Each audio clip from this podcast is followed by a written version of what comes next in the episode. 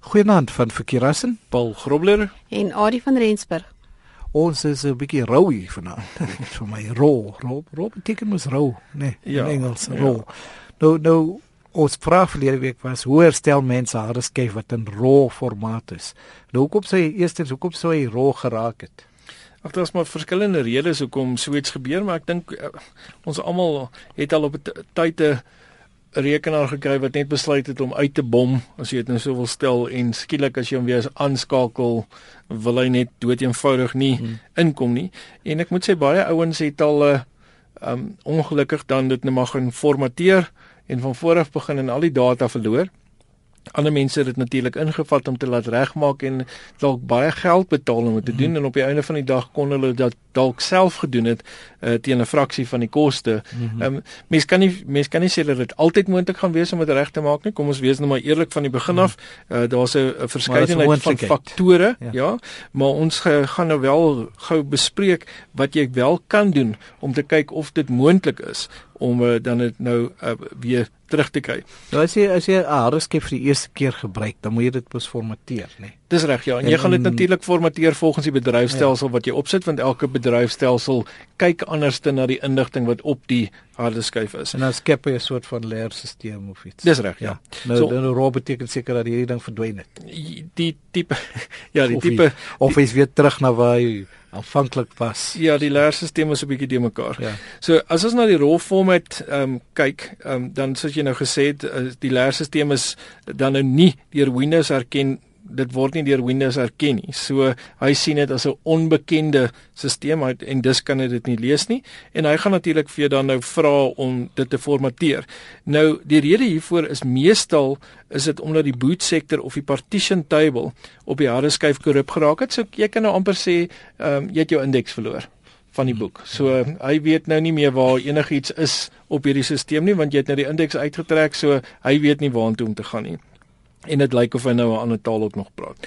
Ehm um, so Windows kan dis nie die leerstelsel sien nie en hy sal jou dan aanraai om dit te formateer. Ehm um, nou natuurlik die eerste ding wat jy nie doen nie is moet dit nie onmiddellik formateer nie en uh, kyk eers na die stappe uh, wat ons nou hier gaan deel om te kyk of dit moontlik is om hierdie inligting terug te kry. As dan nou niks anders te werk nie, dan is ek nou maar jammer vir jou, dan gaan dit dalk nou die opsie wees op die einde van die dag of intedeel is jou harde skyf dalk heeltemal um, in sy glorie in en jy het 'n nuwe harde skyf nodig. Dit kan ook gebeur as dit 'n fisiese hardeware probleem is. Nou ja, Die korrupsie gebeur byvoorbeeld as daar 'n kragonderbreking is, ehm um, of as dit 'n normale harde skyf is wat 'n as 'n eksterne harde skyf gebruik word, ehm um, en dit word net ontkoppel sonder om die safely remove hardware opsie te gebruik. Uh, dit kan ook gebeur indien die harde skyf vreemde klikgeluide of ander geluide maak. Um, dan beteken dit natuurlik daar's 'n fisiese skade aan die harde skyf heel waarskynlik en die inligting daarop um, sal nie afgehaal kan word nie. So dit beteken in so 'n geval waar jy nou baie snaakse geluide hoor, dan is dit heel waarskynlik die einde van daai harde skyf en jy gaan hom moet ver, um, vervang. Hierdie sal natuurlik nie uh, van toepassing wees op die nuwe harde skywe, die SSD. Die um, hulle het natuurlik dit nou nie um, meer daai probleem nie omdat hulle natuurlik static is. So hulle hulle het uh, nie dieselfde ooreenkoms of 'n solid state is Hulle hulle het nie hierdie soort wiel. Uh, ja, hulle het nie wat goed lees nie. ja, dis hy hardloop nie meer ehm um, so. Nou ja, mense kan dan die data op die harde skyf afhaal deur byvoorbeeld 'n uh, al is dit nou Windows, kan jy 'n program van Linux gebruik, die Linux Live CD ehm um, kan jy gebruik en nadat die data gekopieer is, kan 'n mens voortgaan met die herstelproses. So jy gebruik eerstens 'n Parted Magic Linux boot CD um, en die program daarop genaamd is Test Disk en uh, maak dis eers 'n laaibare CD of 'n USB geheueskyfie en boot die rekenaar dan nou um, met die be beskadigde harde skyf daarmee. So die USB skyfie moet jy natuurlik nou gebruik op die rekenaar waar die probleem is, waar die harde skyf uh, dan nou is wat die probleem het. Nou dan sal daar 'n menu verskyn en uh, daai moet jy dan nou kies die default settings run from RAM en nadat die desktop gelaai het, um, klik jy dan op die uh, terminal of die monitor ikoon uh, wat naby die start is en jy tik test disk en druk enter. Nou Testis is 'n command prompt tipe program, so dit beteken jy gaan nou nie 'n muis of enigiets kan gebruik nie, dis 'n teks gebaseerd en jy volg dan natuurlik die stappe. Um, hiervoor is daar 'n webwerf met stappe wat jy kan volg um, en dit sal natuurlik op ons webwerf ook beskikbaar wees by rsg.co.za by uh, Charlotte by die rekenaarrubriek en uh, waar ons dan nou spesifiek hierdie bespreek, sal ons dan nou hierdie skakel dan nou ook bysit wat jy dan nou kan aflaai en uh, dan kan jy nou verder gaan met hierdie stappe. En nadat die boot sektor probleem opgelos is, kan um, maak jy dan nou 'n natuurlike rugsteenkopie, baie belangrik, van die harde skyf indien dit uh, weer vertief raak en dan kan jy ook hardloop uh, check disk skynstreep fix uh, wat jy deur die command prompt sal doen om die ander probleme op die harde skyf op te los as daar moontlik enige ander probleme is of daar's dalk moontlik foutiewe sektore op die harde skyf. En hierna behoort die harde skyf weer bruikbaar te wees. So um hopelik as jy hierdie stappe volg, kan jy dalk jou harde skyf uh, red. Um en hoef jy nie duisende rande te spandeer of te huil omdat jy baie belangrike data verloor het nie. So ons hoop ons het 'n paar mense daarom gelukkig gemaak met hierdie raad uh, wat ons kon deel. Nou jy het 'n paar goed genoem wat afgelaai moet word en uh, Ari het seker die webwerwe. Dis reg ja. So die eerste webwerf is daar die html5.litten.com how to fix external disk drive suddenly became raw. Um, om die Linux live CD te kry, kan jy ook gaan na http://2skynstrepe fixit.litten.com skynstreep linux file copy.html en dan ook om die bootable CD of USB uh, te maak kan jy weer netjies gaan na fixit.litten.com skynstreep makebootcd.html.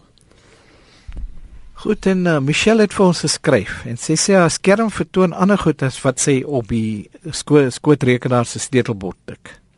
Nou, hoekom gebeur dit daardie? Daar kan verskeie redes wees. Ehm um, eerstens kan 'n mens per ongeluk die function sleutel aan hê en dit nie agterkom nie. Numlock as jy numlock ehm um, ook weer 'n keer kan veroorsaak dat 'n goed getik word wat jy nie bedoel nie. Ehm um, as dit nie die probleem veroorsaak nie, dan moet jy gaan kyk of die regte sleutelbord gekies is. So gaan kyk by jou sleutelbord ehm um, uh waar jy dit kan verander. Jy kan change input methods um, onder language kry by jou sleutelbord en dan as die regte sleutelbord daar is, dan kan dit dalk die PC bord wees wat skade gekry het.